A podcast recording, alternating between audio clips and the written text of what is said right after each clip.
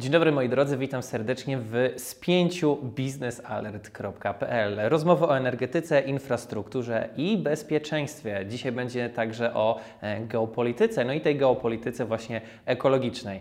Razem z nami redaktor naczelny biznesalert.pl Wojciech Jakubik. Ja nazywam się Mikołaj Teperek. Zapraszamy na nagranie.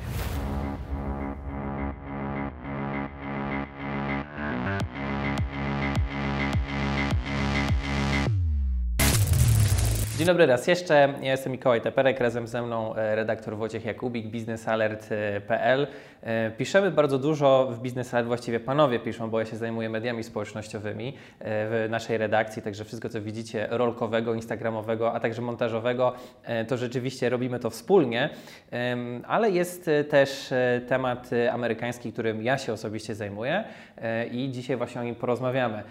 Mam tutaj książkę Johna Kerry'ego, bo John Kerry jest, no, co prawda jest bez okładki, bo ją zdjąłem, trochę pies ją obgryzł, ale jak przejdziemy niedaleko dalej, to... Myślę, że widzowie uwierzą na słowo, że jest to książka Johna Kerry'ego. Jest o, John jest. Kerry. Tutaj jest to wysłannik Białego Domu, który mm, wcześniej był szefem Departamentu Stanu za e, Baracka Obamy. Jest to taki hipis, bo to trzeba powiedzieć, z jego biografii to też wynika, więc e, odpowiednia osoba na odpowiednim stanowisku. Zajmuje się dyplomacją i zajmuje się e, hipisowską e, ekologią. No i w Stanach Zjednoczonych jest oczywiście kongres i ten kongres, tak jak w Polsce, Sejm, pisze różnego rodzaju ustawy. Jedną z tych ustaw miała być ustawa, która nazywa się ustawa o zwalczaniu inflacji, która z inflacją dużo wspólnego nie ma. Jak wiecie i oglądacie wiele innych e, podcastów e, geopolitycznych, to e, wiecie i słyszycie o tym starciu mocarstw, którymi są m.in. Stany Zjednoczone i Chiny, no ale także gdzieś tam jest pośrodku Unia Europejska, w tym także Polska. No i ten akt w kongresie, który miał zajmować się inflacją, jest tylko z nazwy podpisany 2022 roku w sierpniu przez Joe Bidena jest przedłużeniem jego mm, polityki, jego wyborczych obietnic. Obietnic, które miały zająć się oczywiście y, zwrotem ku niskoemisyjności, nawet zeroemisyjności, y, ale także oczywiście wzmocnieniem klasy robotniczej Stanów Zjednoczonych i właściwie jest poniekąd połączeniem tej demokratycznej części filozofii politycznej i ukłonie ku ekologii, ale także ukłonie w stronę tej części Donalda Trumpa, który mówi Ameryka First. E, przede wszystkim wszystko ma być e, wybudowane w e, Stanach Zjednoczonych i to się nie podoba innym graczom, ponieważ ten akt, Inflation Reduction Act, który mi kojarzy się osobiście z niechlubną Irą z Irlandii, która podkładała ładunki wybuchowe. A nawiasem mówiąc, Biden był na rocznicy porozumienia wielkopiątkowego w Irlandii w tak. ostatnim czasie. Bardzo zabawna zresztą e, wizyta w Irlandii, bo e, scenę ukradł pies prezydenta Irlandii, który latał e, dookoła i, nie, nie, był do przegonienia. W każdym razie IRA, czyli Inflation Reduction Act, skupia się głównie na tym, że Stany Zjednoczone dążą do niskoemisyjności, ale skupiają się na gospodarce Ameryki Północnej. Będą duże odcięcia podatkowe dla każdej inwestycji w Stanach Zjednoczonych, która będzie nisko lub zeroemisyjna. Będą ulgi podatkowe, ale tylko dla komponentów, y, które będą e, produkowane w Stanach Zjednoczonych lub będą produkowane w Ameryce Północnej lub będą produkowane w wewnętrznych traktatach handlowych Stanów Zjednoczonych, co starło się z Urszulą von der Leyen, przewodniczącą Rady Europejskiej, która e, w Davos drugiego dnia z Johnem Kerrym, o którym już wspomnieliśmy, się o to spieli. John Kerry bronił e, swoich tez, swojej administracji e, tym, że my chcemy wymusić na Chinach, ale także na naszych partnerach tą zeroemisyjność, co ma być nie po drodze gospodarce jego sojuszników, naszych sojuszników, czyli nam. Czemu to jest e, tak bardzo nie po drodze Unii Europejskiej? To się okaże, czy nie po drodze. Na pewno nie po drodze E, Komisji Europejskiej, która chce też promować zielone technologie, ale żeby one powstawały w Unii Europejskiej, e, czyli także między innymi w Polsce. Inflation Reduction Act e, jest aktem protekcjonizmu gospodarczego. E, ale takiego wolnorynkowego, amerykańskiego. To znaczy, o ile zielone technologie rozwijają się na zachodzie i państwa zachodnie przodują w tych technologiach, Chiny mogą gonić, mogą kraść te technologie, ale są z tyłu. E, to jednak między Unią Europejską a Stanami Zjednoczonymi też zaczyna iskrzyć ponieważ mamy kryzys energetyczny, kryzys gospodarczy, wszyscy chcą mieć miejsca pracy, wszyscy chcą wygrywać wybory dzięki tym miejscom pracy u siebie, a to Amerykanie wbijają taki znak e, w swój trawnik i mówią: Zapraszamy do nas. Jeżeli ktoś będzie u nas inwestował, u nas tworzył te nowe technologie, to dostanie właśnie ulgi podatkowe, dostanie wsparcie i to jest forma promocji polityki klimatycznej, ale też właśnie protekcjonizmu gospodarczego, żeby zasysać te wszystkie technologie, która jest mniej nakazowo rozdzielcza niż polityka regulacyjna Unii Europejskiej, no bo u nas mamy system handlu emisjami CO2, czyli tak. płacisz za to, że emitujesz. Które są obecnie rekordowe. Tak, no i John Kerry jako ten hippie zielony opowiada też o tym, że świetna jest polityka klimatyczna w Unii Europejskiej, ale jak przychodzi co do czego, to Amerykanie realizują ją po amerykańsku, czyli mhm. bardziej kapitalistycznie. Czyli zachęcając, a nie tak. karząc na przykład za, za, te dopłaty do emisji. Tak, i Kerry właśnie ciekawie o tym rozmawiał z y, von der Leyen. On powiedział, że nie należy obrażać się o to, że Amerykanie tak otwierają drzwi wszystkim, tylko samemu tak otwierać. No i to mi się akurat podobało, bo jestem zwolennikiem bardziej liberalnego podejścia do gospodarki.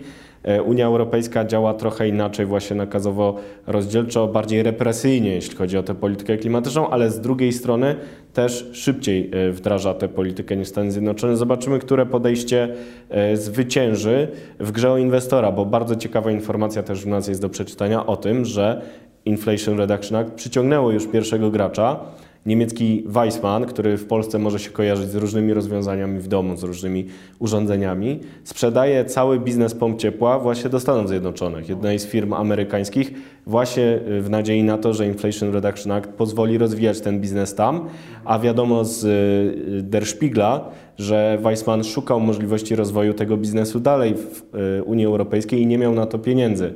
No więc też trudno im się dziwić, tym Niemcom, którzy postanowili sprzedać ten biznes do Stanów, że jak nie mogli się rozwijać u siebie w Unii Europejskiej, to jadą znowu do ziemi obiecanej. Więc to trochę przypomina, czy to gorączkę złota, e, czy to gorączkę łupkową w Stanach Zjednoczonych. Nigdzie na świecie się nie da, a tam się da. Dlaczego? Bo są odpowiednie, fajne, nierepresyjne przepisy. Więc e, to jest element rywalizacji gospodarczej to e, jest sposób na to, żeby Amerykanie utrzymali prymat, bo mają go bezdyskusyjnie, najnowocześniejsze, największe firmy są cały czas tam, ale właśnie na obszar, e, w sferze zielonych technologii. No i w Unii Europejskiej się to nie podoba, no bo u nas oczywiście te technologie też są promowane, ale w całkiem inny sposób, który budzi niepokój takich państw jak Polska, e, nie zaciąga do współpracy tak optymistycznie na przykład Węgier i mamy te wewnętrzne podziały właśnie między innymi o z tego powodu, że patrzymy inaczej na to, jak rozwijać zielone technologie.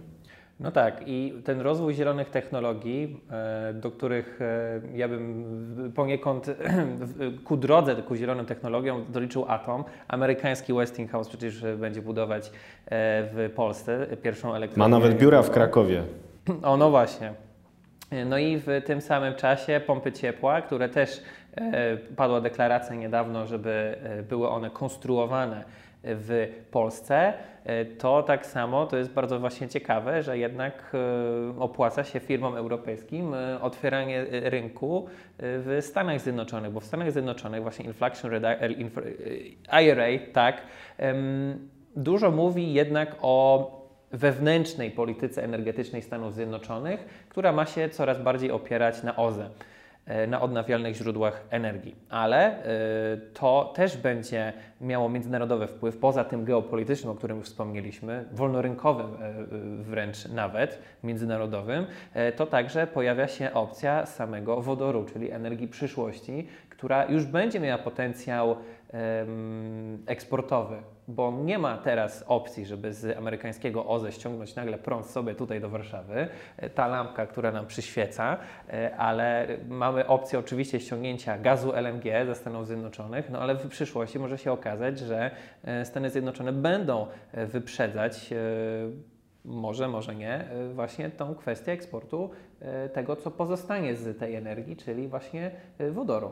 Mhm, to znaczy wodór jest jednym z tak zwanych gazów odnawialnych, czyli z punktu widzenia polityki klimatycznej, jeżeli jest wytwarzany bez emisji dwutlenku węgla, to jest super, czysty, nie tak jak ten niedobry gaz ziemny, na którym całe bezpieczeństwo energetyczne Stanów Zjednoczonych stoi swoją drogą. No więc teoretycznie kiedyś będzie można zastępować gaz e, normalny, kopalny, gazami odnawialnymi takimi jak wodór i jeżeli w Ameryce powstanie potencjał, żeby produkować ten wodór na przykład z nadwyżek ze źródeł odnawialnych, wtedy on się stanie takim magazynem energii, który mógłby przepływać w formie dostaw wodoru tankowcami, które teraz ślą LNG też do Europy, bo y, z drugiej strony będzie zapotrzebowanie. Jeżeli transformacja energetyczna w Europie potoczy się zgodnie z planami Komisji Europejskiej, to już teraz wiadomo, że cały wodór nie będzie mógł powstać na terenie Unii Europejskiej, bo nie będzie takich mocy. Dlatego też ta dyplomacja y, klimatyczna Stanów Zjednoczonych z jednej strony, ale też Komisji z drugiej zmierza ku temu, żeby te relacje transatlantyckie rozwijać także na, e, w tej sferze, no bo alternatywne źródła dostaw takich gazów odnawialnych to jest Afryka Północna, problemy e, z różnicami e, w systemach politycznych, różne wyzwania niestabilności, które znamy z arabskiej wiosny. No albo Rosja, nie chcemy wodoru z Nord Streamu II, chociaż coś takiego promował jeszcze Gazprom niedługo przed inwazją na Ukrainę. No i rozłożenie akcentów może być różne. Bo to będzie cały czas tandem amerykańsko-europejski, który razem będzie promował te zielone technologie, ale gra chyba toczy się o to, kto będzie silniejszym graczem. No i oczywiście Komisja Europejska po to też y, przygotowała Krajowy Plan Odbudowy, który wyrósł z funduszy y, popandemicznych, żeby też promować te zielone technologie. Jeżeli ktoś chce je rozwijać, to Krajowy Plan Odbudowy daje taką możliwość, ale jest restrykcyjny i to widzimy też w Polsce że jest coś za coś. To znaczy dajemy e, wędkę, ale chcemy w zamian zobaczyć efekty, kamienie milowe, które dotyczą często spraw politycznych, takich jak e, rządy prawa, wartości itd. Tak okay. Amerykanie nie doczepiają takiego pakietu do, e, do różnych form wsparcia, tylko mówią inwestorom, chcecie inwestować, macie ulgi, działajcie. Okej, okay, czyli takie mm, bardziej autonomiczne, mniej nawet e, polityczne. No, kalendarz jest napięty tych e, zmian ekologiczno-zerotransmisyjnych e, i jednym z takich rzeczy, może bardziej przyziemnych niż to, co czują nasi widzowie, bo na przykład oni może nie obchodzić, czy tam u nich e, gaz, który używają do kuchenki jest amerykański czy rosyjski, ważne, żeby był tani, ale e, istotne może mogą być plany e, dość restrykcyjne właśnie Unii Europejskiej. Już Ford zresztą amerykański co prawda ogłosił, że nie będzie produkować do 2035, bardzo niedługo, już w ogóle spalinowych samochodów, więc pożegnamy mhm. się z Mustangami i wieloma innymi samochodami.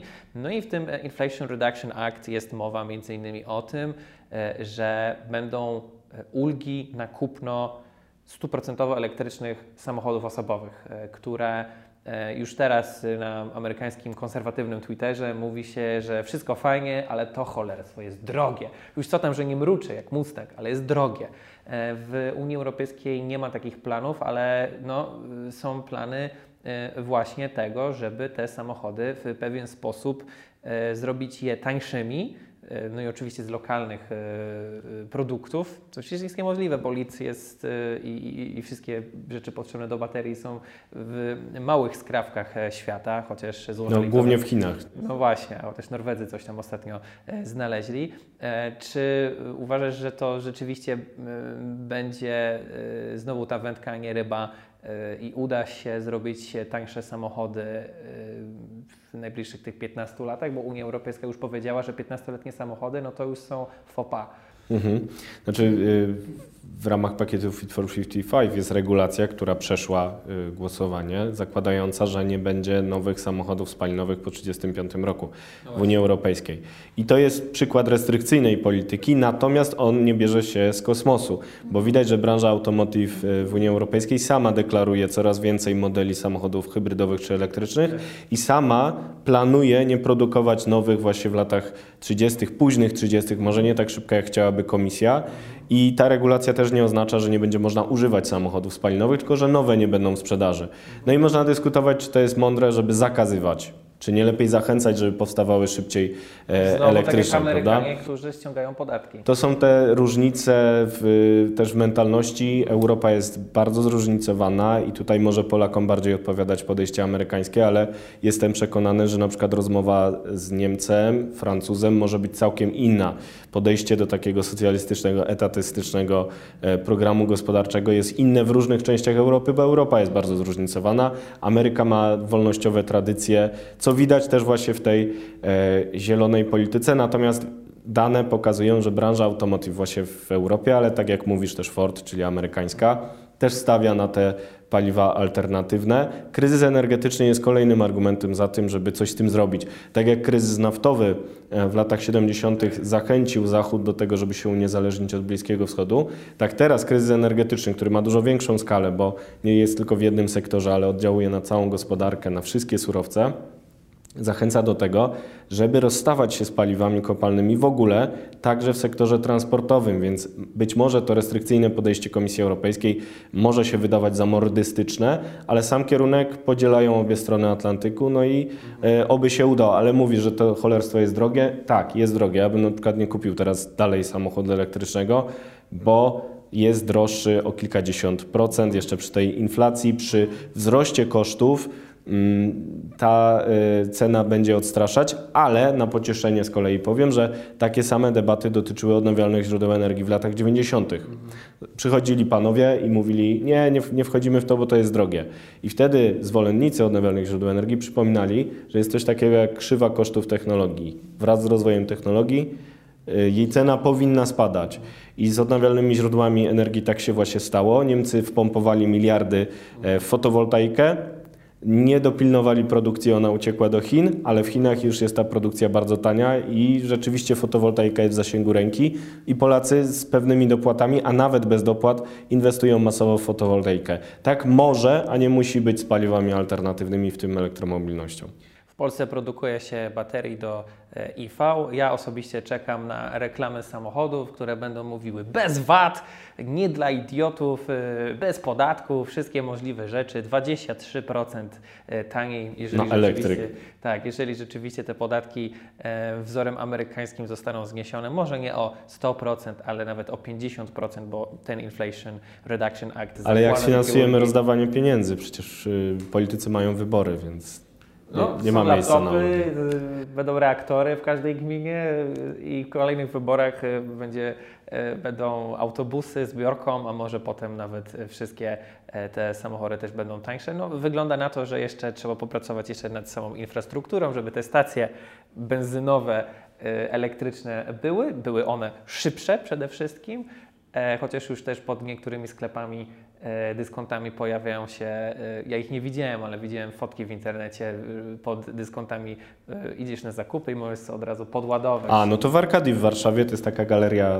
w stolicy Polski, są na przykład miejsca dla elektryków tuż przy wejściu do galerii, więc w ten sposób właściciele tak, zachęcają możesz, do tego. Tak, czyli, czyli nie musisz gdzieś daleko szukać miejsca, tylko są zielone miejsca, możesz się podładować za free tak naprawdę, no i w tym czasie zrobić swoje zakupy. Dajcie znać, co Wy myślicie na te wszystkie e, tematy, który wzór e, zachęcania, czy odstraszania, czy, czy innego zachęcania jest dla Was bliższy, czy to rzeczywiście ten amerykański, czy ten e, unioeuropejski, no i czy zachęcają Was te pomysły właśnie zakazu produkcji nowych samochodów spalinowych, czy może rzeczywiście te ceny elektrycznej, elektrycznej mobilności spadną, czy będziemy kupować te samochody, a kto wie, może tak jak w Już niebawem nawet będziemy nimi latać, a nawet nie my nie będziemy latać, bo one będą prowadzone przez sztuczną inteligencję, która już teraz pisze e, niektórym doktoratom, e, doktorantom prace